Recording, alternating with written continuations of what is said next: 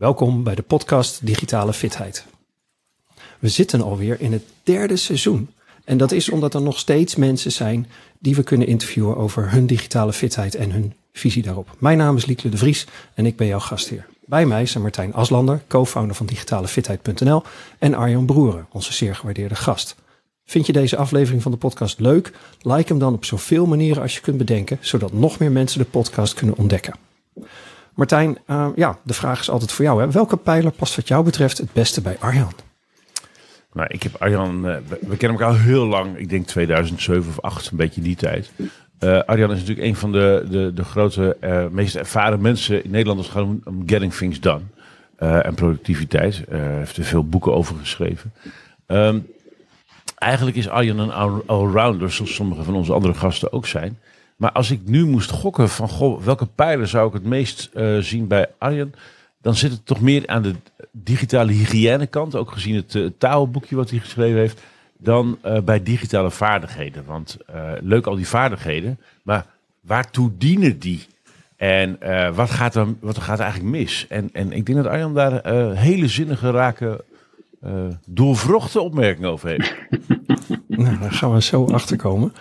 Um, want ik heb nog een hele korte introductie. Uh, je noemde het al, Martijn, maar Arjan is inderdaad uh, bekend van uh, trainer als van Getting Things Done. Van Streamline Certified op hoog niveau. Hij geeft heel veel trainingen. Als je gaat googlen, dan vind je ook ontzaglijk veel artikelen van zijn hand op allerlei platformen.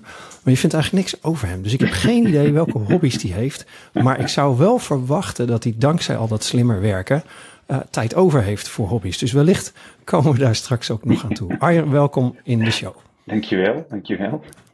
um, net als met iedere andere gast uh, hebben we voor jou uh, meteen bij de aftrap een tiental uh, vragen. Die ooit een keer bedacht zijn door Bernard Pivot. En ik wil daarop graag jouw eerste en kortste antwoord. Je moet er zo min mogelijk over nadenken. Ja, ja. Wat is je favoriete woord? constructie. En wat is je minst favoriete woord? Um, als het een zinnetje mag zijn, iemand in een, in een groep zegt, nu ben je me kwijt. En dan zo'n verzuchting, zo, zoiets in die hoek. Waarvan raak je opgewonden? Um, ja, als dingen werken. Zo, het is momentum, dynamiek. En wat is voor jou een echte turn-off? Um, ja, gedoe van allerlei soorten, maar vooral tussen mensen gedoe. Welk geluid vind je geweldig? Nou, als het over hobby's gaat, ik heb een elektronisch drumstel en de snare. Gewoon alleen al één keer erop slaan, dat, dat kleur op de wangen. Ja. ja. Welk geluid haat je? Um, had vanochtend een tandartsbehandeling en ze liet op een gegeven moment zo'n zo'n haakje in dat ijzeren schaaltje vallen. Ik krijg nog koud, ik krijg nog rilling over mijn rug als ik het voor, voor, voor me hoor, als dat bestaat, dat woord. Ja. Ja, ja, ja. Wat is je favoriete vloekwoord? Um, ja, ik, ik stapel nogal wat nare dingen op elkaar, dus dat kan echt niet hier. Dat, uh, en, en voor, voor, groepen zal ik het nooit doen, maar in mijn privé vloek ik echt als een ketter. Dus dat, dat is niet best. Uh, en echt okay. veel, ja. ja. Welk ander beroep dan je eigen beroep zou je nog wel eens willen uitproberen? Um, ik dacht vroeger altijd dat ik wel... Een café lijkt me fantastisch, hè? Want de dag starten en de gezelligheid. En, maar misschien dat, dat ik ouder word, dat ik het steeds interessanter vind mensen dingen maken. Dus, dus vooral elektronische dingen uh, in elkaar knutselen. Dat lijkt me fantastisch als je dat kan. Mm -hmm. En welk beroep zou je nooit willen hebben? Nou, alles met tandarts, Monty, verschrikkelijk. Het een beetje gevoed door de recente ervaring. Het is de recency bias, denk ik, maar uh, ja. ja. En laatste, wat hoop je dat men later over je zegt wanneer je eenmaal niet meer op deze planeet bent? Ja, dat is een hele grote, maar, maar toch vooral dat, dat mensen zich geholpen hebben gevoeld door, door de dingen die ik samen met ze gedaan heb. Dat ze daar beter of wijzer van zijn geworden. Nou, dat wens ik je toe. Dankjewel. Um, ja, logische vraag voor jou is natuurlijk ook: vind jij jezelf eigenlijk digitaal fit? Ja, ik denk, en dat is denk ik iedereen in deze groep die er veel mee bezig is, die kent natuurlijk in elk domein mensen die oneindig veel meer daarin kunnen. Dus dat maakt je denk ik altijd wel een beetje bescheidener. Maar gegeven dat ik natuurlijk een training heel veel mensen zie, durf ik toch wel gewoon ja te zeggen. Dat ik uh, fit ben als het gaat over de digitale aspecten van werk en leven. Ja, en um, um, vind je jezelf. Nou ja, dan nou loop ik zelf vast in mijn vraag. Dat is toch ook wat zeg.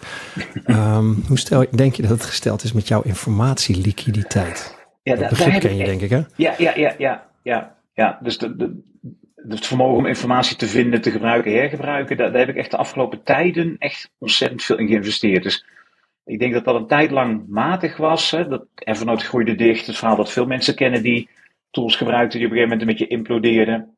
Het heb ik dat ook een tijd gewoon gelaten voor het was. En met de opkomst van Obsidian en, en dat ik dus inderdaad, zoals je al zei, veel en graag schrijf, heb ik daar echt gewoon heel veel in geïnvesteerd. En is dat. Uh... Oh jongens, kom op. Jullie hebben allebei Obsidian kleding aan. Worden jullie daarvoor betaald? Dat is echt een grap. Dit wisten we van elkaar niet. Gekocht, dus uh, nee, nee, nee. Ja. Oké, nou, okay, meteen de disclaimer voor de kijker. ja. Het is met hun eigen geld betaald. Waar ze dat, dat, dan weer gekregen hebben, dat weet ik ook niet. Ja. Um, ik, ik val, ik, ik, het valt me even op dat je zegt um, uh, Evernote liep dicht. Ik heb het er een tijdje bij gelaten. Ja. Dat vind ik, um, ik denk dat veel mensen dat raar zouden kunnen vinden. Als je zo mm -hmm. bovenop je, uh, je werkwijze zit, je procedures en het toegankelijk hebben van kennis. Ja. zonder daar moeite voor te hoeven doen of zonder daar te veel moeite voor. Dan is het toch raar om te weten dat er ergens een hoek van je leven is waar het langzaam steeds uh, uh, stroperiger wordt. Ja, ja en ik, ik, denk, dat zeg ik altijd tegen trainers die ik certificeer. Het is interessanter om van iemand te horen hoe, hoe, de worsteling kan zijn en hoe lastig het kan zijn, dan van iemand voor wie het natuurlijk gedrag is. Dus, dus ik, ik denk dat dat typisch iets is waarvan ik dan inderdaad dan in dat geval even opende. Iets wilde schrijven en denk ik heb er heel veel van. Dan zag ik een pdf die ik opgeslagen had, die ik niet eens gelezen had. Dan denk ik, ja, en dan ging ik maar weer Google of andere dingen doen. Dus, dus ik denk dat, dat bij al die, al die dingen die je doet, er op een gegeven moment hoeken zijn van werk en leven waar zo'n soort, soort chaos en verrommeling in sluipt. Maar als je er meteen iets aan doet, is het minuten werk. En als je per dagen er niks aan doet, en een per weken en per maanden. Dus dat is typisch ook iets waar ik vaker heb gedacht, daar moet ik iets mee. Um, en ik denk dat eigenlijk door de oplossing Obsidian ik weer veel meer energie kreeg. En dan was het dus niet opruimen, want wie heeft daar nou zin in? Maar was het iets nieuws maken. En dat gaf een het project. Ja, dus je had, je had geduld, je, je tolereerde de wrijving. En de oplossing zat hem uiteindelijk in de, in, in de vorm van: ik ga iets nieuws bouwen. En hé, hey, nou kan ik in één keer die zooi daarin kwijt. Martijn? Ja, ik sprak hier gisteren toevallig Herbert van Hoogdalem over. Dat is iemand die, die was heel enthousiast online over uh, zijn creatief, en, uh, die nu met uh, reclame bezig is. En die was helemaal bezig geweest om zijn hele hoofd in Obsidian te stoppen. Met een database, had er hulp bij, allemaal heel mooi. En die lol die herkende ik. En ik belde hem gisteren op en ik zei, joh, uh, waarschijnlijk ga je hetzelfde meemaken als wij allemaal. De lol van het maken van het systeem en het uitdokteren hoe het precies moet, is fantastisch en geeft energie. Maar dat systeem ook daadwerkelijk volledig gebruiken en blijven gebruiken, dat is een onderhoudsdingetje. Mm -hmm. En daar hebben types als wij mooi geen zin in. Uh, dus ik neem aan dat dat bij Arjan ook geldt. En, ja. en, toen moest ik in één keer denken aan een scène uit de, uh, de, de dramaserie die gemaakt is over Leonardo da Vinci. En ik herinner me daar een, een, een werkplaats van hem, waar allemaal half affe stukjes werk lagen. Mm -hmm. Alleen de grap is, überhaupt het kijken naar wat daar lag, was al genoeg om associaties in zijn hoofd te creëren voor een nieuwe vondst. Dus de, het ene halffabrikaat dingetje wat hij had, bleek, bleek weer een, een, soort voorstudie te zijn naar een mechanisme wat bij de tweede mislukt was, maar wat hij gecombineerd met de derde bij project 4 kon gebruiken. Mm -hmm. Het punt dat ik maak, uh, wil maken is dat die structuur, dat zijn eigenlijk zelf opgelegde boundaries, omdat je anders in een soort oneindigheid terechtkomt. Maar al die onaffe stukjes hebben wel degelijk waarde.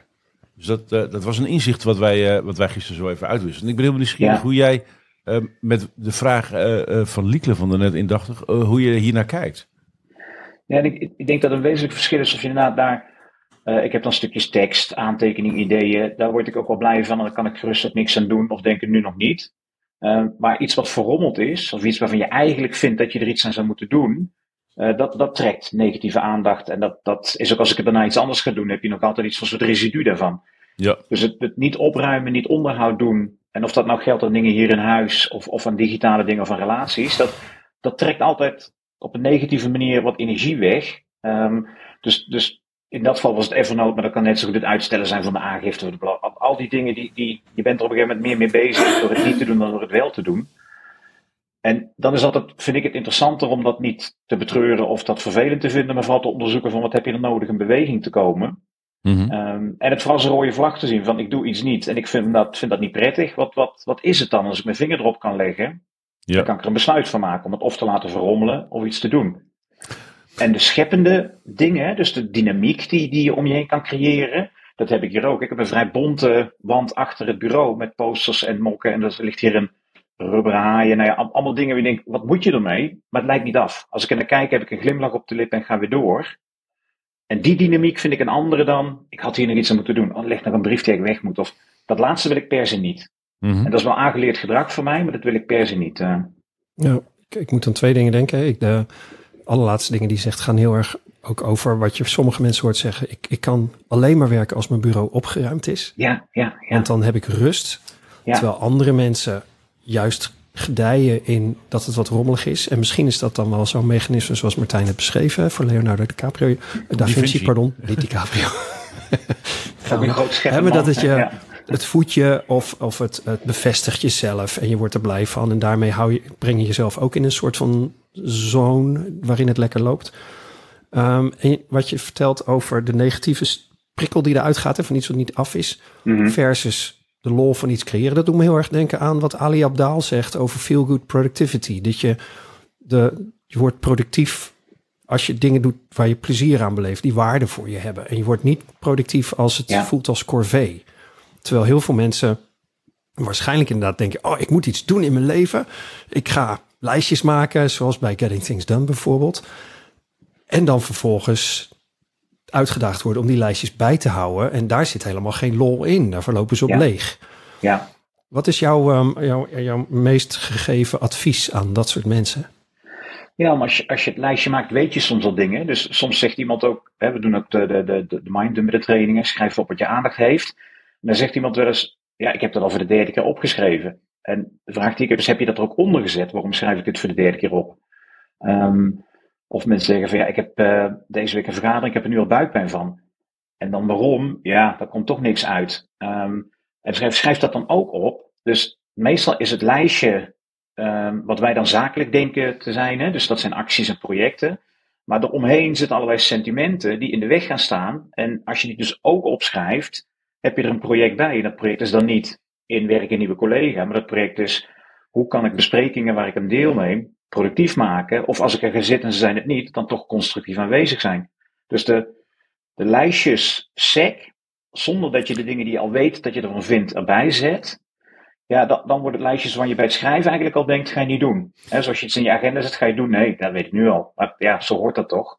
Ja. Dus, dus de reflecties echt aan toevoegen en die vooral bestuderen, dat is denk ik stap 1. Uh, ik heb met Mark Meinema, uh, de co-founder van Digitale Fitheid, een mooie samenwerking. En wij merken, we hebben een soort toverspreuk afgesproken naar elkaar toe. Als we iets beloven dat we gaan doen en we doen het niet, dan is de vraag niet, waarom heb jij dit niet gedaan? Van, hé, hey, dit is nog niet klaar. Zit er toevallig ergens weerstand op? En meestal heeft de ander eerder door dan degene die het zou moeten doen, dat er A, weerstand op zit. En door het te benoemen, kun je er naar kijken zonder oordeel. En dan kun je kijken, oké, dat moeten we dus niet doen. Dat moet iemand anders doen. Dat gaan we een andere keer doen. Dus dat maakt het leven een stuk overzichtelijker. Raakt het een beetje aan wat jij net zei? Zeker. En dat, dat is, ja, noem het oplossingsgericht, met een soort nuchterheid. Um, ook over uitstelgedrag. Als je zegt van ik doe iets niet, te voel me er schuldig bij. Nou, je doet altijd meer dingen niet dan wel. Dus je stelt voortdurend uit. Um, maar, maar, onderzoek dan eens even waarom dat ene niet gebeurt en waarom je er ook schuldig over voelt. Want dat het niet gebeurt kan een probleem zijn. Dat je er schuldig over voelt, ja, dan heb je twee problemen voor de prijs van één. Hè? Dat, dat laatste, het gebeurt net zo min, hè, wat je er ook van vindt. En die soms tikje provocatieve houding, ik denk dat die nodig is om te zeggen, een lijst maken, dat is denk ik universeel handig. Maar de ene lijst is de andere niet. En wat je erop zet, zijn als het goed is eerste stappen. En dat is soms een blokkade wegruimen. Ja, maar dan komen we ook meteen wel echt in de, de psychologie van de mensen. Ik herinner mhm. me een video van David Allen, die een Nederlandse journaliste helpt bij ehm, het opstarten van Getting Things Done. Zij is op enig moment ook in tranen. Ja. Uh, helemaal overweldigd uh, door de hoeveelheid, maar ook door, denk ik, de gevoelens die ze erbij heeft. Ik denk dat meer mensen dat zullen herkennen. Dus, ja. Uh, en dan, het is makkelijk genoeg om dat ongemak te voelen en dan snel iets anders te gaan doen, zodat je erbij wegloopt. Ja. Maar jouw oplossing is wel, of jouw voorstel is dus wel echt, nee, luister serieus naar jezelf. waarom voelt dit zo ongemakkelijk? En, en komt daar iets naar voren waar je wat aan kan doen? Dat, dat is Dan moet je toch echt wel je, je aandacht bijhouden, vind jij? Ik, ik, denk, en dat gaat ook in cycli, hè? Dus, dus als je begint met, met lijstjes maken of een systeem in te richten of na te denken, wat wil ik vandaag? Dan, dan zou het handig zijn als je meteen al denkt, uiteraard gaat dat niet helemaal lukken. Hè? Die dag heeft geen enkele verplichting om zich aan jouw plan te houden. Ehm, maar dat is vaak stap twee of drie. Hè? Dat je denkt, nou ik heb een plannetje gemaakt, maar nu merk ik dat het niet lukt. Idealiter zie je dat als brandsom te kijken, nou hoe kan ik dan een beter plannetje maken? Of hoe kan ik in die dag beter navigeren? En, en in die video waarin David Allen coachte, was denk ik ook de frictie voor een deel, ja, ik ben heel creatief, dus rommelig. Um, ik ben heel spontaan. En toen David dat veranderde door nou spontaan eerder impulsief. Um, en hoeveel goede ideeën heb je gekregen toen je net even gaast naar de supermarkt moest om nog iets te halen en terug? Hoeveel goede ideeën heb je in dat gestreste moment dat je kind alleen thuis liet? Hoeveel goede ideeën had je toen? Ja, nul natuurlijk. Dus, dus ik denk dat, dat het beginnen met productiviteit ook het beginnen is met, ja, je gaat jezelf tegenkomen en dat is logisch.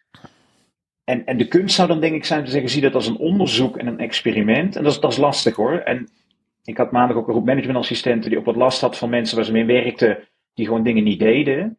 Um, ja, dan is het heel lastig om te zeggen, zie het als een onderzoek, wat zou je kunnen doen? Want er zitten sentimenten op. Ja, ja en, en voor een deel aspecten waar ze zelf geen invloed op hebben. Ja, ja.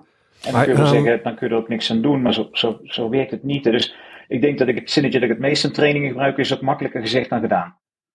Um, Arjan, met Liekle hebben we het veel over het digitaal werkmanifest, onderdeel van pijler 2 van uh, digitale fitheid. Ja. Ik kan me voorstellen dat uh, uh, um, als je met een team goede afspraken maakt, dan zijn mensen ook makkelijker accountable te houden over wat er gebeurt en hoe je dat kan checken. Ehm, is dat iets wat jullie in jullie praktijk al hebben opgepikt? Dat, dat, die, hoe noem jij de, de, de ja. digitale werkovereenkomst? de teamwerkovereenkomst. De teamwerkovereenkomst. Dus als je met je team afspreekt, ja. um, hoe snel reageren we op mail? Hoe gebruiken we e-mail? Hoe noemen we bestanden? Waar zetten we die neer? Hoe zit de workflow in elkaar? Wie is waar verantwoordelijk voor? Waar zie je voortgang? Uh, de meeste ellende is mijn waarneming op de, bij grotere organisaties, dus ook zeker clubs waar ze managementassistenten hebben, volgens mij veroorzaakt door een gebrek aan digitale hygiëne en goede werkafspraken. Is het ook jouw waarneming? Ja, ja, dus, dus ik, vond het, het stuk over de, de, overeenkomst sloot ook heel erg aan wat wij bij Streamline Certified doen. Um, waarbij je gewoon impliciete verwachtingen expliciet maakt uh, en ook dingen bespreekt als aanwezigheid en bereikbaarheid. Uh, want ja, wanneer heb je dat gesprek? Meestal als er iets misgaat. Hè? De, de verwachte reactiesnelheid die vaak veel lager ligt dan wat mensen zichzelf opleggen. Dus er zit ook een soort afkoeling in. Um, en we hebben, daar, we hebben dan een vijfpuntsagenda. De vijfde punt is onderhoud, want we gaan ons er niet aan houden. Um, dat, is gewoon, dat is gewoon een gegeven. En iedereen kan al uittekenen vooraf naar die meneer en die mevrouw. En die, die gaan zich er niet aan houden. Want als het er niet uitkomt, gaan ze toch even bellen achter een mailtje aan. Ja. Hoe weten ze dat? Ja. Nou, en wat gaan we dan doen? Het is onderdeel dus van de teamwerkovereenkomst dat je niet alleen de afspraken maakt, maar dat je ook met elkaar uh, uitspreekt dat je het regelmatig op je teamoverleg laat terugkomen. Ja, ja. En, en dat kan dus weken achtereen zijn dat er niks nieuws te melden is. Maar dan in één keer is er iets anders gegaan dan afgesproken. En dan kun je het erover hebben. En dan kun je eventueel dus aanpassingen maken. Ja. Een, van de geweldigste managementboeken ever is het boek Het Doel van Eliam Goldraad. En dat gaat over de zwakste schakel in een, in een productieproces. Voor mij zou je rustig kunnen stellen dat de zwakste schakel bij kenniswerk uh, in samenwerken met mensen is uh, onderhoud ik, denk roeren mee eens. En ik denk ook het, vooraf wel erkennen um, dat, dat als je gaat samenwerken, dat als de kogels beginnen te vliegen. Kijk, in een zaaltje met, met, met alle rust van dien kunnen we mooie afspraken maken. Maar als je gehaast op maandagochtend even snel iets gedaan wil hebben, um, hou je er dan ook aan. En ik, ik, denk dat dat ook een gesprek waard is daarna. En wat, wat we bij Streamline doen, is dan ook, denk ik, zoeken welke toon. En bijvoorbeeld een groep die wat, wat issues met vergaderen had, daar gebruiken we de zogenaamde Elmo-kaarten voor. Heb je misschien wel eens gezien, zo'n kaart met de letters Elmo erop en dan het Elmo figuurtje. Uh, en dat is een acroniem voor Enough, Let's Move On. Dus op het moment dat de vergadering wijdlopig wordt, trekt iemand de Elmo-kaart en iemand denkt, oh, ik doe het weer. Hè. Ik ben weer aan het denken en praten tegelijk. Op andere plekken zou dat onmogelijk kunnen. Dus, dus bij die afspraken kijk ook een beetje, als iemand een, een onverzorgde mail stuurt, kun je dan zeggen TLDR, too long did not read, doe maar opnieuw. In de ene organisatie denk ik, oh dat gaan we doen, leuk hè. In de andere dus, dus bij die werkafspraken wordt dit... Nee, nee. Uh, Arjan, heb, je, heb jij beeld bij, want jij ziet die live van dichterbij dan wij, hoeveel mensen eigenlijk geen werkafspraken hebben gemaakt in hun team? Is dat het gros? Ik, ik denk dat zullen jullie ook wel zien, toch? Dat over het algemeen kenniswerkers geen afspraken maken en niet normatief dus zijn. Dus doet iedereen maar wat. Daar eer en geweten, maar Ja. ik denk het wel. Ja, Ja. en dan klagen dat ze druk zijn. Ja. Ik, mag, ik wil nog wel even terug naar ehm, Mhm. eh, ehm, getting things done, eh, slimmer werken, lijstjes maken. Ehm, hè, we hadden het net over de frictie die je kan voelen bij onderhoud. Ehm, jij zegt dan, dan is het handig om dan na te gaan waar die frictie vandaan komt. Is de oplossing dan dat je niet alleen begint met lijstjes maken, maar dat je ook voor jezelf onder woorden probeert te brengen, waarom doe ik dit eigenlijk? Ja, ja dus, dus ehm, heel grofweg denk ik dat er productiviteitsmethoden zijn die beginnen met waarom ben je op deze planeet? En dan kun je dat vertalen naar rollen, en dan kun je dat... En de, soort dingen die we meer effect doen, zijn eigenlijk meer bottom-up. Laten we grip op het alledaagse krijgen. Vertrouwen krijgen dat als we iets afspreken, dat we het ook doen. En vanuit dat vertrouwen kijken, wat willen we dan eigenlijk? En ik denk dat allebei wezenlijk zijn. Ehm, en als je aan Getting Things Done begint, dan vragen we altijd, wat is de gewenste uitkomst? Dat doen we ook in onze andere trainingen. En als die op het niveau zitten, ik steek er altijd wat van op. Of eh, dan zeg ik ook, ja, het kan. Maar het commitment dat dit vraagt, dit is niet een set time management trucs. Dus het is heel goed denk ik te zeggen, wat, wat moet het je opleveren? En soms dat heel sterk ingegeven door, ik denk te vaak aan mijn werk, ik lig s'nachts wakker ervan, ik heb buikpijn, ik weet niet meer hoe het... Dan is ook de kunst te zeggen, maar als dat nou eens geen probleem meer zou zijn, hoe zou de wereld eruit zien? En soms merk je gewoon dat mensen die op zondagavond al buikpijn hebben voor de maandag, daar heel moeilijk overheen kunnen kijken. En dan is een van de belangrijkste lessen dat al. Hè, van, er, is een bestaan te bedenken waarin dit allemaal niet meer waar is. Ehm, zie dat voor je. En dan kun je ook op momenten dat het wat taaier is, de energie uithalen uit, maar waarom doe ik dit ook alweer? En als je dan denkt, wekelijks onderhoud geen zin in. Ja, maar ik wilde een week echt afsluiten. Ik wilde het weekend ten volle. Nou ja. Dus, dus het begint terecht, denk ik, bij waarom. Ehm, een van de dingen die wij geleerd hebben afgelopen jaren bij digitale fitheid is dat het woord productiviteit begint besmet te raken. Dat is een, eh, een, een toxisch woord aan het eh, worden in allerlei eh, kringen. En wij zijn eens gaan nadenken van ja, maar als je daarachter gaat kijken, wat is het eigenlijk wat we willen bereiken? En wij kwamen uit op twee dingen. Je wil mentale ruimte, zodat je hoofd weer kan functioneren en niet helemaal vol zit met allemaal emoties en gedachten en losse eitjes. En daarnaast wil je slagkracht. En slagkracht is iets anders dan eh, productiviteit. Eh, de verschil tussen efficiëntie en connotatie is effectiviteit. anders. Ik, ik, ik heb het wel eens over dat die Amerikanen in de ruimterace, die wilden in de ruimte ook aantekeningen maken. En de balpen deed niet. Die hebben miljoenen gestopt in een, in een pen uitvinden die ook in de ruimte kon schrijven qua druk en zo.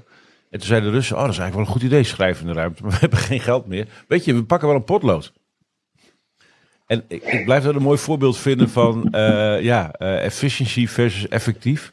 En ik denk dat ook eh, de reis van productiviteit naar slagkracht te maken is. Hoe zie jij dat? Ja, ik, ik merk niet zozeer die balans met woord productiviteit, maar wel de onderstroom van je schiet altijd tekort. Hè, de, ik denk dat veel boeken ook geschreven zijn met ik ben de succes, succesauteur, ik kan alles, jij niet.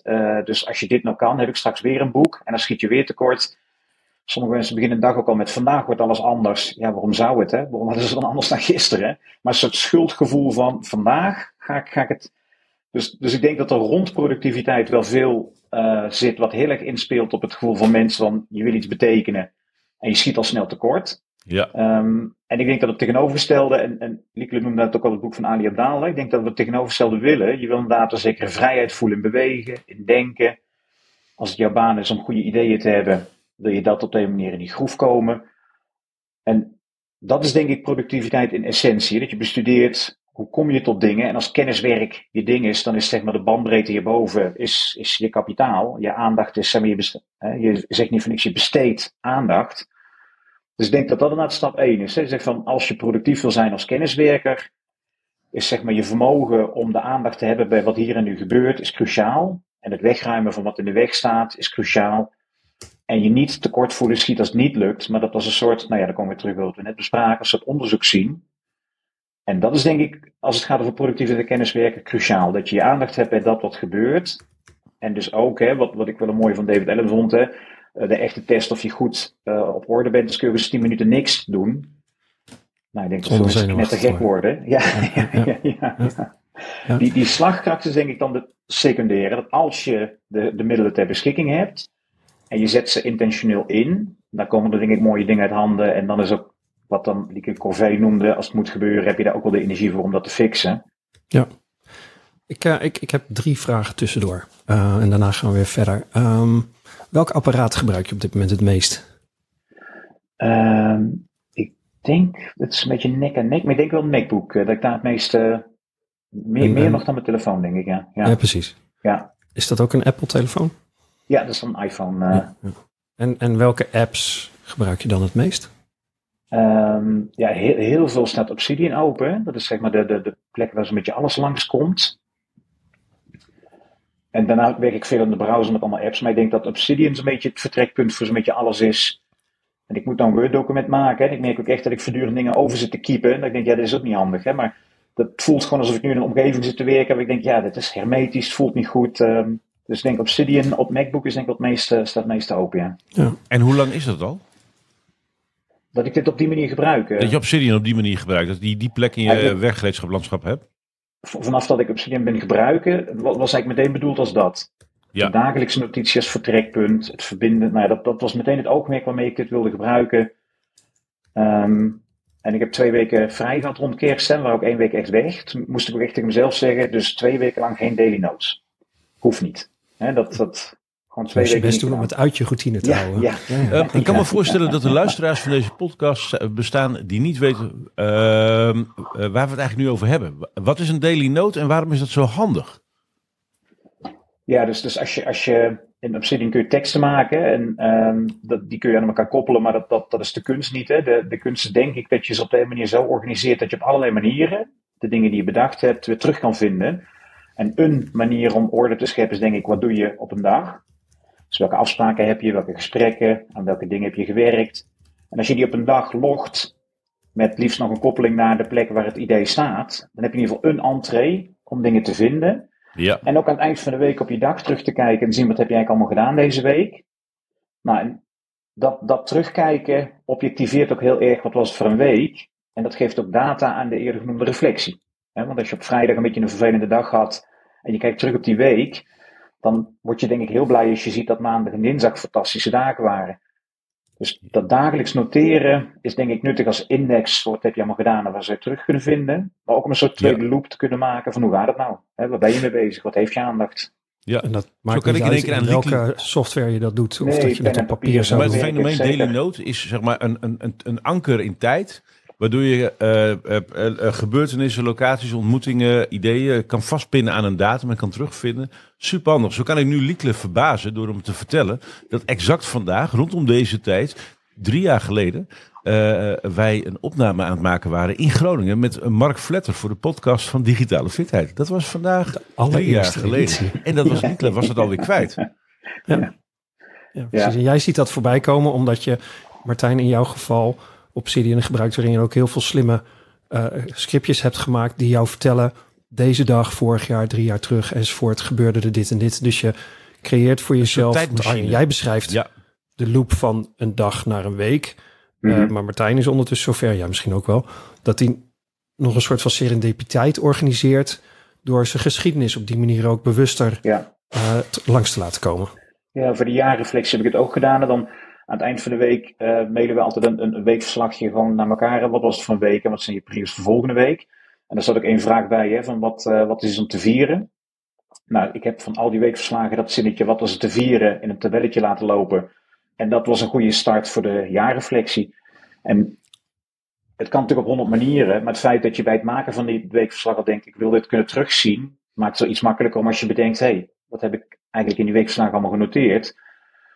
Het feit dat je bij het maken al bedenkt, als ik het nou zo en zo noteer, kan ik het straks op deze manier geordend weer terugvinden. Dat helpt. Maar het had ook met gebladerd in boek gekund hoor. Ja, maar dit, dit begint dus met bewustzijn over het belang van informatie. De meeste mensen maken zich drukker om hun tools dan over het nadenken over hun eigen informatie. Want dat is eigenlijk terrein Ja, dat we afgelopen twintig jaar genegeerd hebben. Dus we hebben wel informatietechnologie erbij gekregen. We zijn meer informatie gaan maken. Maar over onze eigen informatie nadenken en die ook weer terug, kunnen terugvinden op een snelle, handige manier. Dat is echt onontgonnen gebied. Ehm, en binnen dat ja hele en, en Ja. zeker als je informatie niet te letterlijk opvat als iets, iets wat je weet, maar ook gewoon dat het soms heel leuk is om te zeggen, oh ja, drie weken geleden had ik die persoon nog voor het eerst gesproken. Of deze serie ben ik toen beginnen kijken. Of, Ja. ehm, of gewoon de, de, de, de kreet ergens onder aan een zin van eh, midden in een gesprek genoteerd. Houd dit gesprek nooit op, uitroepteken, uitroepteken, vraagteken. Ja. Dat, dat zijn soms dingen dat je denkt, oh ja, dat, daar zat ik er toen niet heel constructief in. Of wat grappig toen, ja. Ja, maar we hebben toch ook gewoon ons eigen geheugen? Zeker. Dat werkt toch ook?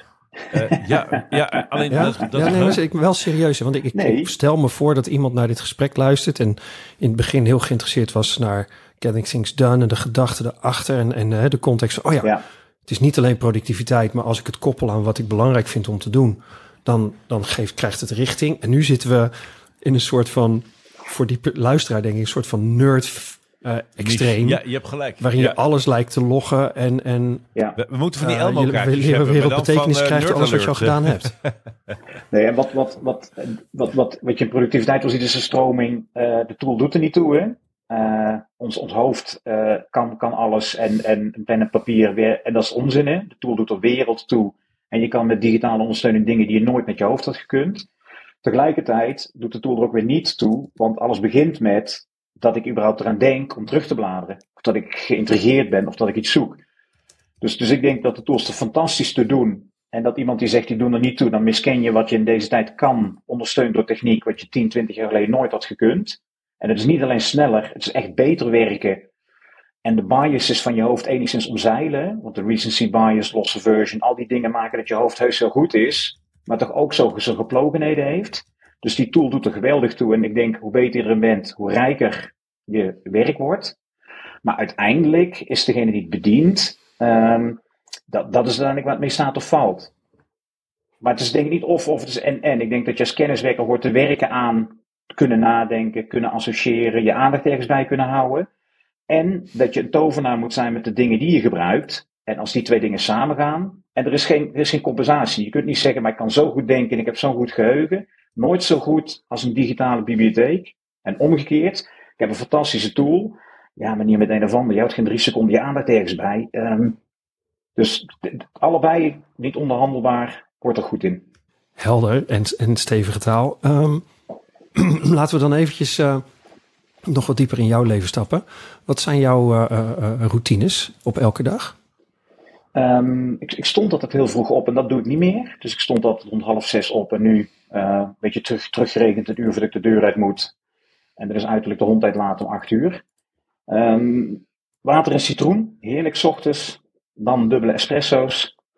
Uh, en ik ben nou weer begonnen met meer het lezen en dan ook een fysiek boek ochtends. Dus als ik een beetje de praktische dingen gedaan heb en uit de weg geruimd heb, dan gebruik ik de tijd totdat ik de deur uit moet om te lezen. En dan een fysiek boek, want ik heb gemerkt, met technologie is er te veel onrust in het begin van de dag. Dan, dan, dan is er te veel aantrekkelijks op iPad, op MacBook, op telefoon. En daarna hangt het heel sterk vanaf. Een trainingsdag is duidelijk, hè? Het is gewoon van half tien tot half vijf met mensen op een plek waar je verantwoordelijk bent voor alles. Hè? Van de inhoud tot de vorming, tot de lunch, tot de. En de thuiswerkdagen heb ik bijna nooit afspraken, hè? want we hebben commerciële collega's die heel veel klantencontact doen. Ik heb collega's op kantoor die heel veel van de organisatie doen. Dus ik heb eigenlijk relatief weinig afspraken door de dag heen. Dus die twee dagen dus verschillen ook heel sterk van elkaar. Hè? Het klinkt ook als, uh, alsof je binnen jouw organisatie uh, behoorlijk geoptimaliseerd hebt naar ieders werk en verantwoordelijkheid. Ja. ja. we hebben een tijd lang als trainers ook wel eens gehad. Oh, er zijn een paar mensen in de training van een organisatie wat meer wilden doen. Um, is het niet een idee dat we, daar, dat we daar in de pauze wat meer mee doen? En dan merk je dat, dat, dat daar is je rol niet naar. Als iemand een vraag hebt, wil je niet zeggen: sorry, je bent minder interessant. Terwijl de commerciële collega's juist weer in de training aanwezig zijn de ochtend om mensen te ontvangen, door te vragen. Nou, kantoor is bij ons denk ik super geoptimaliseerd hè, voor wat we doen. En dat betekent ook dat, dat je daar niet mee bemoeit. Hè. Dus als iemand een, een bepaald project doet, uh, met bepaalde software, uh, om de cursus te plannen, ik vind het echt een drama. Maar dat is niet waar ik hoofdtaak mee werk. Dus, dus wat ik ervan vind, maakt niet zoveel uit. Het is niet holocratisch, maar het gaat wel een beetje naar, dat je rol niet. Dus mocht je input hebben, dan eigenlijk alleen als die super kritisch is. Anders kun je beter ergens anders over hebben. En haakt dat ook, werkt. Haakt dat ook in, in het begin, op wat we in het begin van het gesprek zeiden? Dat je voor jezelf je, je doelen goed onder woorden kan brengen? Dat je weet waarom je onderdeel bent van de organisatie, wat je te brengen hebt? Ja, ja en in, in, een klein team is dat denk ik toch ook wel, wel duidelijker dat die vragen ligt, hè, van waarom. En hè, we, we hebben ook mensen die van marketing doen, die moeten natuurlijk ook iets meer aanjager zijn. Maar als die in een training zitten, kunnen die aan het eind ook heel goed tegen mij zeggen. Uh, dit blokje is denk ik heel interessant om nog verder wat mee te doen. Dit vond ik wat veel. Uh, vanuit hun rol voegen ze heel veel toe aan welke onderdelen. Martijn noemde dat weer theorie van de beperkingen van Goldratt. Die springt bij een aantal mensen heel erg uit. Daar kunnen we meer mee doen. En dan is het perspectief van iemand commercieel en mijn perspectief als trainer, dat, dat kan elkaar dan heel goed versterken. Um, en aan het eind van de dag is, vind ik het ook prima om van iemand te horen. Dit stukje resoneerde minder, denk ik. Hè? Dat is natuurlijk nooit leuk om te horen. Je wil dat alles een succes is. Maar ja, het feit dat iemand een ander perspectief brengt dan dat ik heb, voegt echt iets toe. Want je staat er ook voor open. Ja, en, en wie zal niet af en toe denken, hè, ik had liever applaus gehad, hè, maar, maar tegelijkertijd daarna denk je, ja, maar hier kan ik wel echt wel mee aan de gang. Of dit, dit helpt echt wel, ja. Ja. Hey, ik hoor je nou um, in je dagelijkse routines niet vertellen over uh, inboxen leegmaken, uh, to-do-lijstjes bekijken en dat soort zaken. Um, die zijn er wel? Of ja, ja, vind je gewoon niet zo belangrijk om te noemen? Of? Nee, eigenlijk, eigenlijk de, de, de dag begint eigenlijk vooral met, met niet-lijsten. en daarna gebruik ik OmniFocus en Obsidian eigenlijk als, als ruggengraat voor alles. En dan OmniFocus vooral de triggers om dingen te doen. Maar ik merk ook dat dat zo vanzelfsprekend is dat, dat, ja, dat op het moment dat, dat ik een thuiswerkdag heb en dus denk, wat zal ik eens doen? Dan, ja, dat, dat, dat is de dagelijkse notitie, het is de weeknotitie, het is Omnifocus. Eigenlijk is dat ja, een soort dashboard wat zich vast vanzelf opent en wat ik kan gebruiken.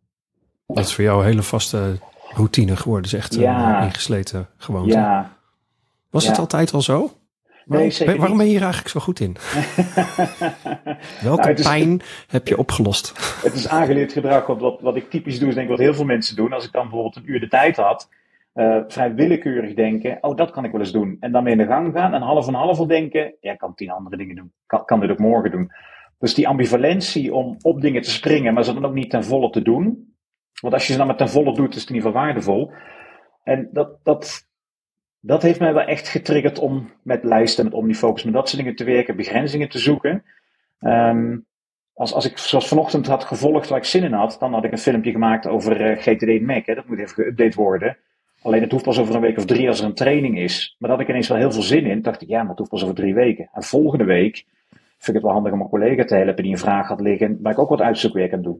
En die, die stap terug, die is voor mij niet natuurlijk. Maar ik heb zo vaak ervaren dat het uiteindelijk helpt om tevreden te zijn over wat je doet. Dat het aangeleerd gedrag is wat inmiddels wel weer gewoon tweede natuur geworden is. Ja, dus en, je was gewoon te impulsief. Impulsief. Uh, en, en ook dingen laten, laten en vooral, uh, in mijn vorige week moest er ook een weekstaat aan het eind van de week. Hè, in, in Exact was dat hoe vaak ik op maandagochtend niet met verontschuldigingen moest eh, bellen naar de administratie van kunnen jullie het project nog even openzetten en kan ik vorige, vorige week iedereen op de werk aan. Um, ik heb een keer dat ik richting Hooipolder even naar Tilburg gedacht, moet ik eigenlijk naar het noorden of naar het westen? Geen idee. En dat ik dus gewoon de auto aan de kant moest zetten om te bellen van waar is de training. En dat degene die opneemt denkt, maar hoe ga je dan weg van huis? Ik zei, nou ik zat te bellen, daarna viel ik in een gesprek op de radio en maar dat, dat, dat degene zegt, ik wil het antwoord met plezier geven, maar ik wil überhaupt eens snappen van hoe kan je in een auto zitten als je niet weet waar je naartoe rijdt. Zeg, nou dat kan heel goed. En dat... Ja. Dus het is een soort van ultieme in het moment zijn, maar ook helemaal los van wat je in de wereld wil doen. Ook een soort gebrek aan verantwoordelijkheidsgevoel van het helpt ook wel als je op tijd ergens bent en ook niet iemand die je belt als die ophangt het gevoel heeft van als hij dit niet weet, wat weet hij nog meer allemaal niet dan? Hè? Ja, precies. Waar betalen we die man voor? Ja, ja. ja. nee, dus, dus, dus ik denk dat die, die, die rommeligheid. Um, weet je, en ik, ik, toen de kinderen klein waren, ging ik vaak naar de bibliotheek. Ik, hoe, hoe, vaak ik daar niet met boetes bibliotheekboeken terugbracht en dacht, ja, die paar dubbeltjes. Maar eigenlijk stak het ook wel. Dus, nou, en dat was toen even nog wel goed werkte. Bibliotheekbonnetje, fotootje maken, in Evernote stond die. En uh, de wekelijkse bibliotheektocht. Nee, we hebben vier boeken. Er moeten er vier zijn. Dus die vierde moeten we nog even ergens gaan zoeken. Ja. Nou, dat, dat, dat werkt eigenlijk toch wel zoveel prettiger. Dat dat in slijpen gebeurd is over de jaren heen. Ja. Hey, um, bij zijn introductie uh, uh, zei Martijn dat hij bij jou juist niet aan digitale vaardigheden zou willen denken. Want Dat mhm. is een makkelijke eerste associatie voor iemand die dat soort training geeft als jij doet. Maar vooral aan digitale hygiëne. Um, hoe, uh, uh, hoe beleef jij digitale hygiëne? Wat houdt dat voor jou in? Um, als, als het gaat over de, de, de precisie waarmee je wel of niet technologie gebruikt. Uh, ja? Ja, ja. Um, Ja, wat, wat ik een hele mooie vind, is wat, wat Kevin Kelly ooit beschreef over de Amish. Hè? Dat als, uh, ze staan dan bekend om, om, om technologie avers te zijn. Ze zijn niet technologie avers. Alleen als er een nieuwe technologie is, worden een aantal mensen belast met de vraag: wat doet deze technologie voor onze samenwerking en, en hoe gaat die impact hebben? En als we daaruit zijn, doen we het wel of niet. En als het bijvoorbeeld maakt dat we minder met elkaar gaan praten, dan, dan zou het wel eens een keer een negatief punt kunnen zijn. En als het ons helpt om makkelijke boodschappen te doen, dan zou het een pluspunt kunnen zijn. En ik denk dat dat, dat uh, een wezenlijke eerste vraag is, die ook vooraf gaat, wat mij betreft, aan gebruik. Van wat gaat dit toevoegen? En dat betekent ook dingen als Facebook, Twitter of X. Of, hè, dat, dat, het gebruiken van is één, maar het vooraf bedenken wat kan de impact zijn voor het kan overzien. En dat regelmatig evalueren. Dat is denk ik een wezenlijke. En daar zit soms denk ik nu ook wel een keer de klacht in van ja, maar er zijn hele slimme mensen aan de andere kant van het scherm die lokken mij in software. Ja, voorlopig klikken we zelf nog op, op de knopjes. Hè? Dus, dus, dus het is zeker zo, hè? Ja, nou, dat kan een onderdeel van je overweging worden. Nu, uh, weet je, ik was in 2005, 6, 7 ook een enthousiaste social media evangelist. Mm -hmm, um, ik uh, kijk daar nu wat minder naïef naar, want we hebben inderdaad ook vastgesteld dat veel van de software die we daarvoor gebruiken ingericht is om ons te verleiden om nog meer te klikken en nog meer op het platform ja, te letten. Ja. Dus als je dat nu weet, dan kun je nu overwegen van nou, um, misschien wil ik wel stoppen met X. Iedereen zegt dat Mastodon een alternatief is. Hoe zit het eigenlijk bij Mastodon met die aspecten? En dan ja. kun je daar inderdaad een bewustere afweging over maken. Maar je, je benoemde het net zelf al, je voor zover je het overziet. Dus als je vandaag een nieuwe tool hebt waarvan je nog niet precies weet wat die inhoudt, dan zou jij denk ik dan in je daily notes daar een paar zinnetjes over opschrijven van nou, ik denk dit en dat. Ja. En dan kun je na verloop van tijd kun je reflecteren van voldoet het aan die verwachtingen? Ja, dat, help je jezelf daarbij. Natuurlijk vind ik met concrete projecten. Ik wilde voor de volgende zomer wil ik op een niveau Spaans kunnen spreken. Ik denk, nou, Duolingo lijkt me wel wat. En op het moment dat ik het begin, zet ik in de daily notes van die dag. Hè, begonnen met Duolingo, dag 1. Maar dan over drie weken en over zes, negen weken zit ik wel van, doe, doe dit nog wat ik wil. Want het kan in zichzelf ook heel bevredigend zijn om iets af te vinken en te strieken. Dan vliegen er allemaal vogels over het scherm en dan komen weer vlammetjes overal. Dus door nu al punten in de toekomst te zetten. En op dag 355 was ik ineens helemaal klaar mee. Dacht ik ineens, ja, het brengt me te weinig. Uh, het, het, het, het, er zat een volgende betaling aan te komen voor het pro-account. Dat maakte ook dat ik concreter af moest wegen. En er was wel eentje, dat denk ik, dit wist ik een maand geleden ook al. Ik had al een paar keer dat ik om tien voor twaalf s'avonds nog even snel iets zat te doen om die streak niet te breken. Ja, dat voelt toch een beetje als wie is was, nou de baas van wie. Dat is niet echt de motivatie die je wou hebben daarvoor. Nee. nee, en of ik die woorden nu nog zou weten, dat, dat, nou, dat weet ik zeker van niet. Hè. Dus, dus, dus je overziet het aan het begin niet, maar ik denk dat ook daar in de onderhoudsrondes. Um, en, en Ernst en Fout daar denk ik heel zinnige dingen over. Hè. Welke sentimenten roept het op? En soms kan je vinger er niet helemaal op leggen. Maar door dan in een reflectie daar toch bij stil te staan. Of als je iets nieuws toevoegt in je leven, nu al te plotten, over drie weken evalueren dat, dat helpt wel. En net zo goed als in samenwerking, dat je dat soort dingen ook met elkaar bespreekt. Hè. We zijn met Teams-kanalen begonnen. Wat brengt het? Welke belasting is het? Wie zit er lekker ja. en wie nog niet? Waarom? Dus eigenlijk gaat het ook over uh, bewust aandacht geven aan je gereedschap in dit ja, geval. Ja, en, en heel vaak denk ik ergens op een bepaald niveau weet je het en, en daarna zoeken. Um, soms is irritatie dan makkelijker, hè? maar het kan ook heel fijn zijn om te merken dat je ergens heel blij mee bent. Dat is misschien wat minder, omdat die reflectie is ook heel wezenlijk. Hè? Het brengt me dingen die, die, die ik hiervoor niet kon. Of ik heb, ik heb uh, een zekere snelheid of vaart dingen, of ik heb dingen geautomatiseerd. En daar kan ik ook wel heel blij mee zijn. Uh. Ja. ja, volgens mij is Martijn ook zo iemand die, uh, die automatiseert niet zelf, hè, maar die heeft genoeg mensen die hem even helpen met een scriptje links of rechts. ik ben en, zo, daar, ik vind computers ook eigenlijk heel stom. Ja, maar jij hebt wel enorm veel plezier aan het uittesten van je ideeën en um, uh, mijn kijken welke resultaten het, het meeste van mijn weerstand. Maar ik heb echt grote weerstand om achter een computer te zitten. Oh ja, nee, ik, ik vond in, wat was het toen WordPerfect nog was, 1991, mm 92, kon je die macro's bouwen bovenop bestaande functietoetsen. Met het uh, tijdschriftje WordPerfect naast het toetsenbord. Heerlijk hoor, ja. ja. Ja, ik ben er nooit gekomen, dus ik zit nog heel erg in een no-code-achtige uh, spagaat. Maar Goed. um, als jij nu um, uh, om je heen kijkt, want jij, Martijn noemde het al natuurlijk, jij ziet als trainer ontzaglijk veel mensen. Um, ik vermoed dat veel van die mensen die staan dan aan het begin van een soort van Mhm. nieuwe fase in hun leven. Heb je enig idee wat er van terecht komt? Ja, het, het varieert sterk, hè, maar wat, ehm, wat maar, met name de praktische aanpak van meer effecten, wat Taco Oosterkamp ooit mee begonnen is met elke dag je hoofd en inbox leeg, maakt wel dat het heel laagdrempelig is. En in de aanpak zit ook altijd een paar van die quick win-achtige dingen. Ehm, of het nou zit in e-mail beter managen of hè, de, dingen die je aan je hoofd hebt schrijven. Ehm, een paar apps waarvan we gewoon weten dat die voor heel veel mensen heel, heel erg doel treffen. Oh, mijn aandacht gaat nu naar dingen waar ik te weinig bewust van ben. Dat wil ik anders. En een aantal praktische dingen die je kan doen. Hoe vaak per dag kijk je e-mail. Ik denk dat dan een groep is die de vijf stappen allemaal toepast. Hè? Dat die dus ook echt gewoon niet alleen lijsten maken, maar ook een goede reflectie erop doen. En dat weer terugkoppelen in hoe ze lijsten maken. En het kleinste deel gaat dan ook door naar de vervolgtrainingen. Ehm, omdat de basistraining is eigenlijk heel compleet. Je hebt de vijf stappen van Getting Things Done, of het slimmer werken dashboard, of de communicatierichtlijnen. En een aantal mensen begint dan het verbeteren van het vak kenniswerk zo aantrekkelijk te vinden. Die, die blijven gewoon komen en die kunnen zelfs bellen van, hey, het nieuwe jaar zit eraan, wat, wat gaan die nog ontwikkelen? Want ik wil weer iets. Maakt niet uit wat, ik wil iets. Je raakt eens wat verslaafd Ja, aanbod. ja, ja, ja, Ja. ja. Maar de, de Ehm, praktische dingen zijn denk ik wel nodig. Ehm, want, want wat jij eigenlijk niet wil, is dat iemand denkt, ja, nou weet ik hoe het kan. Nou weet ik nog meer dat ik tekort schiet. Eh, ik heb even ervaren in de training hoe het zou zijn om dit te doen.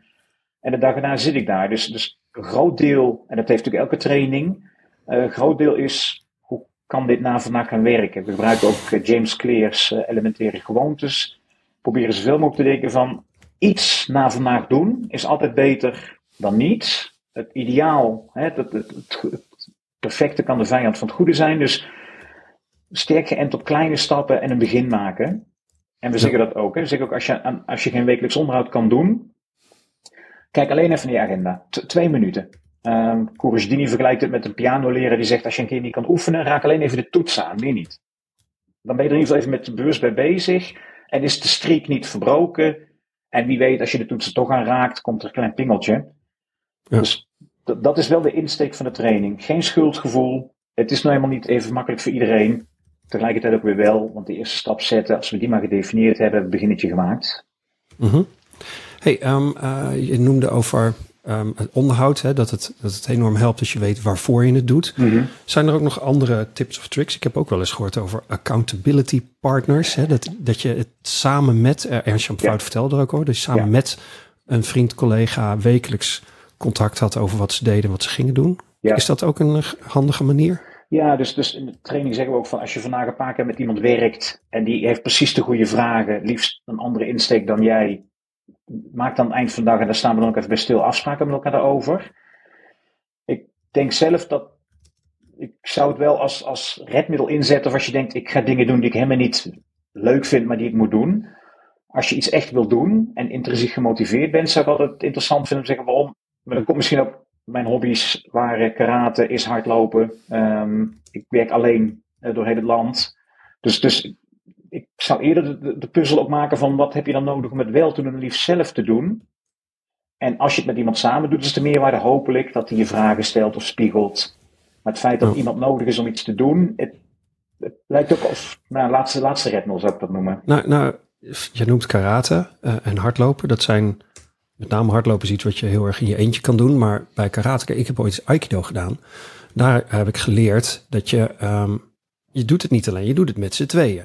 Jouw aanval is alleen maar waardevol als er iemand is om Mhm. aan te vallen. Mhm. En die iemand kan alleen maar leren verdedigen als jij het ook meent met jouw aanval. Dus als jij eh, eh, karate doet, dan heb je ook iemand tegenover je. Eh, jij bent dan misschien wel lekker in je eentje door het land aan het crossen, maar je hebt het team van meer effect achter je. Zeker. Ehm, daar, daar zit eh, ook een, een, een, een afstemming in, een balans.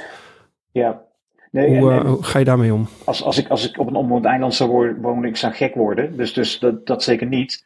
Maar als trainer, als karateka, is het natuurlijk wel zo dat je in je eentje centraal staat. En met wisselende tegenstanders ga natuurlijk een relatie aan. En zeker als je een wat hogere band hebt, moet je zelfs voor ze zorgen.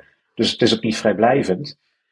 Maar ik denk dat, dat waarom ik een, bijvoorbeeld een accountability partner minder aantrekkelijk zou vinden, omdat ik denk, ja, maar ik zou het fijn vinden als het uit mij kwam. Als ik iets vind om dit werkend te krijgen. Zoals ik het in mijn beroep, als ik voor een groep sta, ook niet zeg, ja, jullie IT-afdeling heeft dit niet gefixt. Of nee, dat, dit is waar we mee werken, dan werken we hier vandaag mee, het volstaat. Dus het, het, is meer het principe dat het helpt als je niet iets hoeft te organiseren. Tenzij je natuurlijk dingen moet doen waar je helemaal geen zin in hebt. En denk, ja, als ik het met, met een wortel of een stok kan oplossen. Of iemand die heel streng tegen is, aan wiens woord ik hecht. Ehm. dus ik denk dat bij reflectie, als je merkt, ik stel het uit, is een manier. Accountability partner. Een manier is, maak het makkelijker om het wel te doen dan het niet te doen. Leg je muis links als je rechtshandig bent, zodat je niet stiekem kan werken. Ga in een plek zitten zonder verbinding. Maar bij al die dingen is het vooral zo, als dat helpt om op gang te komen, fijn.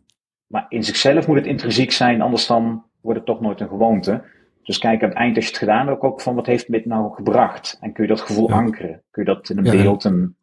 Leer jezelf indien nodig beter kennen over daar, daar het van wat je wel en niet in beweging brengt. Ja.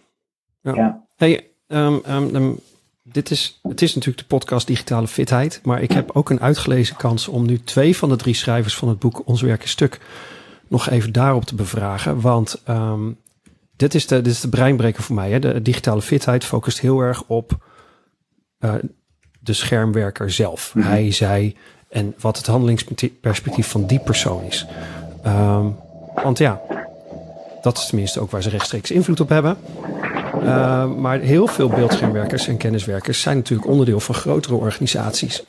Waar hele aspecten van hun werk niet door hen bepaald worden, maar nou, door andere comité's. Laten we het even algemeen houden.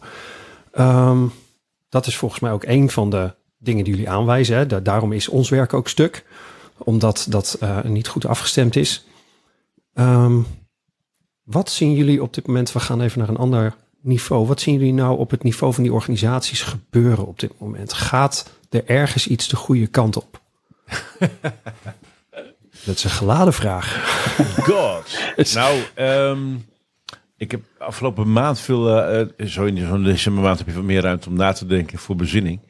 Uh, we hadden al behoorlijk scherp het fenomeen digischaamte in kaart hè, op de werkvloer. Dat er heel veel schaamte is over niet kunnen omgaan met digitale middelen, ook bovenin de organisaties. En dan kom je er ook niet zo snel achter dat dat speelt. Maar er is er nog één. En dat is wat ze in de psychologie het Dunning-Kruger effect noemen. En dat effect betekent dat heel veel mensen denken dat ze ergens heel goed in zijn. Dus dan zijn ze heel zelfverzekerd, nou ik kan dit. Terwijl het eigenlijk helemaal niet, niet zo is. En wat ik steeds meer ontdek in allerlei zalen waar ik kom, is dat heel veel mensen denken dat ze uh, handig zijn met hun digitale werkgereedschap en met informatie. En die vallen massaal na drie, vier controlevragen enorm door de mand. Uh, dus het probleem is nog groter dan dat ik aanvankelijk al dacht. En het probleem was al groot genoeg om er een boek en een film over te maken. Maar dat Dunning-Kruger effect is pas sinds kort op mijn radar. Arjan? Ja, dat is ook een beetje de variant op hoe meer ik leer, hoe meer ik weet dat ik niet genoeg weet of maar heel weinig weet. Ja, ja, dat, Is, dat, is, filosofisch wel, juist. Maar de, het probleem is dat heel veel organisaties, even, ik noem een directeur bedrijfsvoering, een management, een gemeenteraad, whatever. Die besluiten tot uh, miljoenen investeringen in apparatuur of in, in, digitaal werkgereedschap. En die denken, nou bij ons kunnen ze dat wel, want we zien de hele dag ze achter een computer zitten. En uh, de mailtjes komen aan, dus ze kunnen dit. En, en, dat zegt dus dat iemand een hele dag achter een apparaat zit, zegt helemaal niks over of dat op een, op een manier gebeurt die zinvol is. Mm Ja. Ja, wij beginnen de trainingen vaak met een zelfevaluatie. Dan noem ik ook altijd Dunning-Kruger. Want hoe kritischer je scoort, uh, hoe meer je er waarschijnlijk van af weet. En hoe kritischer je waarschijnlijk denkt, ja, ik doe dit wel, maar kan oneindig verbeteren. Als je denkt, nou, mijn werk is er altijd af, ik moet toch wel een topper zijn. Ja, dan, dan, dan mist het een beetje doel in. Um, wat, wat, mij betreft is Achilleshiel vaak ook gewoontes. Um, dat, dat als we het hebben over hoe je vergaderingen zou kunnen verbeteren, hoe je ze met de digitale communicatie kan optimaliseren, dat er heel vaak een verzuchting is van hoe krijgen we dan iedereen mee? Um, en dat het bij niemand is, want niemand wil dit. Maar zeggen, nee, iedereen wil het wel. Maar er zit een soort onderstroom in. Um, we, we, hebben een keer bij een bepaalde organisatie, op elke vergadering al een checklistje met vijf vragen. En als er één nee tussen zit, gaat de vergadering niet door. Of je moet het ter plekke fixen. En dat waren echt basic vragen. En op een gegeven moment werd het spel ook, is iedereen voorbereid, het spel om elkaar te bevragen. Dus dat was precies wat we daarmee wilden. Toen ik dat in een andere groep uitlegde, zei hij, nou dan gaat er hier geen vergadering meer door. Zei hij, maar, vind je het zinnige vraag? Ja, dat wel. Maar dan denk je, maar wacht even. Hallo. ja. Dat is op een bananenschil aflopen en zeggen, daar gaan we weer. Hè? En, en niemand die zegt, nou doe mij een onconstructieve vergadering. Dus die gewoontes, zo werken dingen. Dus, dus vandaar dat wij heel sterk focussen op de individuele kenniswerker. Uh, omdat daar nou eenmaal de meeste veranderingspotentieel in zit. Maar wel meteen zeggen, eigenlijk in de lijn van wat je net zei over Aikido, je, je doet niks alleen. Dus als jij wachten hebt en die komen niet rond, als jij communicatieafspraken maakt en iemand houdt zich eraan, dan, dan is het onvermijdelijk dat je het gesprek erover gaat hebben. En dan misschien over de praktische dingen, maar ook gewoon elkaar helpen. Hoe kun je dat dan beter doen? Maar, maar gewoontes, het geldt ook voor slordige mail. En niemand zegt, ik ga nou zijn mail componeren die liet zijn vrijdagavond om zeep gaat helpen. Dat, dat doet niemand intentioneel. En toch kan het gebeuren door slordigheid, door onnadenkendheid, door... Dus, dus, Impulsiviteit, dus waar ik gewoon nog, ja. Wat ik nog steeds een hele lastige vind, is echt, er is volgens mij nergens onwil. Er zijn budgetten genoeg uh, voor opleiding, voor training, voor digitaal. Maar op die manier zit er een soort, soort we hebben een koers ingeslagen. En het is zo lastig om. Dus, dus vandaar dat ik altijd wat onmacht voel bij organisaties. Terwijl bij teams en individuen veel voedingsbodem en ook veel kans. er is nog een reden dat Mark en ik digitale fitheid begonnen zijn, uh, gefocust op het individu. Uh, ik heb een bureaustoel. Als ik dat verkeerd verzit, dan schuif ik tegen het klepje aan en dan zak ik naar beneden. Dat is niet zo handig. Het gebeurt soms. Um, een individu kan iets doen of leren. Uh, dus teams die iets leren of organisaties die iets leren. Tricky. Zodra je boven uh, het niveau van het individu komt, is er altijd iets waar een individu zich achter kan verschuilen. Krijg je te maken met politiek, cultuur, uh, ego, emotie, onzekerheid, schaamte. Er spelen allemaal dingen dwars doorheen in die groepsdynamiek. Nou, daar zijn veranderkundigen voor, organisatieadviseurs, groepsprocessen, dialoogsessies, hijsessies, whatever. We hebben bij digitale fitheid er heel nadrukkelijk voor gekozen om individuen te helpen. Want dat is iemand die, kan, die kun je aanspreken, die kan zelf iets doen. Als hij vastloopt, kan hij om hulp vragen. Bij teams wordt, het, wordt de mix oneindig veel complexer. En ik ben ervan overtuigd dat wat wij kunnen, daar hebben we veel ervaring mee, is individuen helpen. En als je een hele groep individuen die met elkaar samenwerkt helpt, dan gaat het vanzelf beter met de organisatie. Dus onze logica is, mensen die zelf iets willen leren, kunnen we helpen. En bij teams heb je altijd te maken met sommige mensen die omwille van de groepsdruk zeggen dat ze iets willen, maar dat eigenlijk niet willen. En dan kom je een heel, heel, eh, ja, uh, op heel blubberig terrein, zeg maar, waar we heel graag uitblijven. Dus dat is voor mij, maar kijk Arjan ook even aan, een van de redenen mhm. waarom ons werk is stuk gefocust is op hoe doen we eigenlijk scherm- en kenniswerk. Dat hebben we nooit echt ergens geleerd. Daar horen meer elementen bij dan dat we dachten tot dusver. Dus digitaal bewustzijn, digitale hygiëne, digitale vaardigheden, uh, persoonlijk kennismanagement en dat eventueel nog gebruiken voor je eigen ontwikkeling en groei. In de meeste organisaties blijft het beperkt tot mensen proberen te dwingen, en dat zeggen ze, noemen ze anders, tot het werken met de zaken en interne systemen. En denken dat je de bent als je Office hebt geïnstalleerd. Ja, nee, Office maakt het erger, ben ik uh, uh, van overtuigd. Mm nee, wat ik, wat, ik, wat ik zelf wel sterk vind aan de individuele aanpak, precies wat je zegt Martijn, is dat wat, wat iemand wil, wat iemand nodig heeft, kan je maat maken. Iemand die geholpen wordt, kan je fantastisch helpen. Op het moment dat iemand dan zelf wat meer overtuiging heeft bij wat die persoon wil doen, is de grenzen daarvan bewaken. Door bijvoorbeeld nee te zeggen, ook niet meer een kwestie van assertiviteiten, maar de innerlijke motivatie. Ik weet nu dat ik dit en dat wil doen. Je vraagt dat. Uh, als ik die afweging moet maken, nu zeg ik nee. Hè? Of, uh, en hetzelfde geldt vind ik ook voor als je je zelf je werk op orde hebt en iemand is zelf wat slordig in dingen leveren, heb je meer gezag om het gesprek aan te gaan. En bijvoorbeeld te zeggen, kijk, wat mij nou helpt, of wat, wat mij heeft geholpen. Dus ik geloof echt wel dat die olievlek, die, die kan helpen als iemand zelf wat meer zelfvertrouwen heeft hè, over zijn vaardigheden. Um, en ik denk inderdaad dat op een gegeven moment ook wel mensen opvallen, want het hebben we ook wel eens dat mensen in de training zitten. Dus nou, ik weet niet wat jullie met die meneer gedaan hebben, maar ik wil het ook.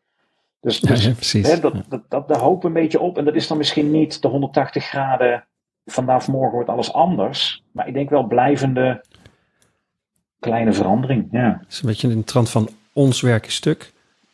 Ik wil aan mijn stukje wat gaan verbeteren. Doe je mee? Een beetje meer van dat. Ja, ja, ja. ja. Nee, en ik denk dat, dat het, weet je, we hebben ook al eens een keer dat bijvoorbeeld iemand belt. Ik heb van de week een managementteam bijeenkomst. Er zou iemand natuurlijk komen praten. Die kan niet. Kunnen jullie wat doen? Nou, weet je, dan hebben we ook altijd nog wel een set tips en trucs en leuke inzichten en one-liners. Um, maar daarvan verwacht je ook van, als we iets kunnen doen, dan is het fijn. Maar dat is anders dan een groep die echt zegt, joh, we worden echt met z'n allen gek en moe. En, en we krijgen het niet weggewerkt. En, en ik heb eerlijk gezegd gewoon nog geen idee maar hoe ik het moet fixen. Dat, daar is natuurlijk de voedingsbodem veel rijker. Maar in alle gevallen kun je wel iets doen, waardoor weer ergens een lichtje gaat branden of iemand één ding meeneemt. Super. dank. Ik wou hem uh, uh, hiermee gaan afronden, want volgens mij hebben we een heel leuk rond gesprek gekregen op deze manier. Um, ik bedank de sponsor die deze podcast mogelijk maakt, de Rijksacademie voor Digitalisering en Informatisering Overheid, waar ik zelf ook werk. Um, vind jij, luisteraar, deze aflevering van de podcast leuk? Like hem dan op zoveel manieren als je kunt bedenken, zodat nog meer mensen de podcast kunnen ontdekken. We zitten weer in de aanloop naar de derde maand van de digitale fitheid. In maart 2024 is het weer zover. Een hele maand extra aandacht voor digitale fitheid. Overal voor alle 4 miljoen beeldschermwerkers van Nederland. Zet hem in je agenda. Ga naar maandvandigitalefitheid.nl. Kijk naar het programma en kies iets uit waar je wat over wil leren. Je gaat er slimmer en fitter van worden.